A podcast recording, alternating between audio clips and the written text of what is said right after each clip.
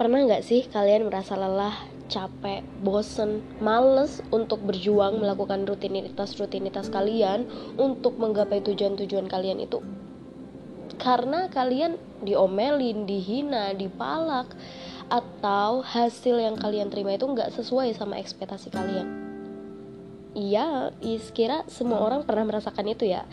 Bahkan Is pun juga sekarang ini Yus merasa berada di titik terendah di perjuangan Yus ini. Merasa capek, males, bosen, dan bahkan pengen berhenti berjuang aja gitu tuh loh. Cuma setelah dipikir-pikir lagi, ya semua orang merasakan itu gitu tuh loh. Jadi, so what? Kenapa kita harus berhenti berjuang gitu?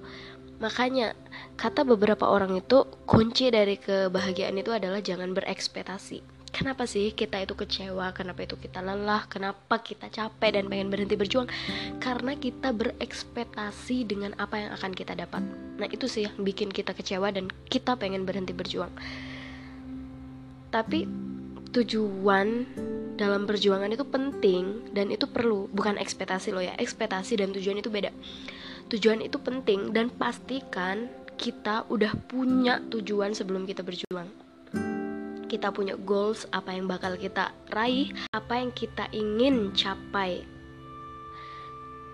Terus juga setelah kita punya tujuan, kita pasti punya track. Kita harus membuat track itu. Ketika kita sudah punya track, misalkan aku mau ke pasar, aku harus lewat jalan A atau lewat jalan B. Kalau lewat jalan B ada kayak gini, ada kayak gini, kayak gini, aku harus berhenti di sini, aku harus berhenti di sana.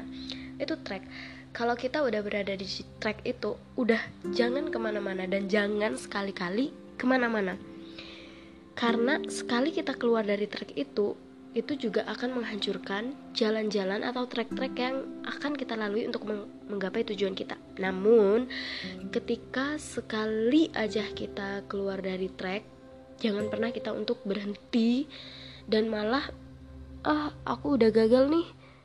Mimpi kita nggak sereceh itu karena kegagalan sekali itu terus kita mau berhenti menggagalkan tujuan yang lain atau tujuan yang telah kita ciptakan jangan sekali gagal bangkit lagi dan ikuti tracknya lagi tapi jangan sekali-kali menoleh ke belakang kata Imam Syafi'i ketika kamu sudah berada di jalan yang benar maka berlarilah namun jika kamu tidak kuat untuk berlari maka berlari kecillah namun, jika itu pun kamu tidak mampu, maka berjalanlah.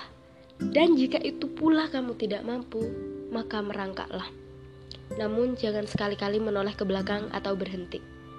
Jadi, buat teman-teman yang merasa males, bosan, dan pengen berhenti berjuang, tolong pikirkan lagi tujuan apa yang pertama kita tentuin dan apa kesalahan kita, apakah kita sudah keluar dari track atau masih belum.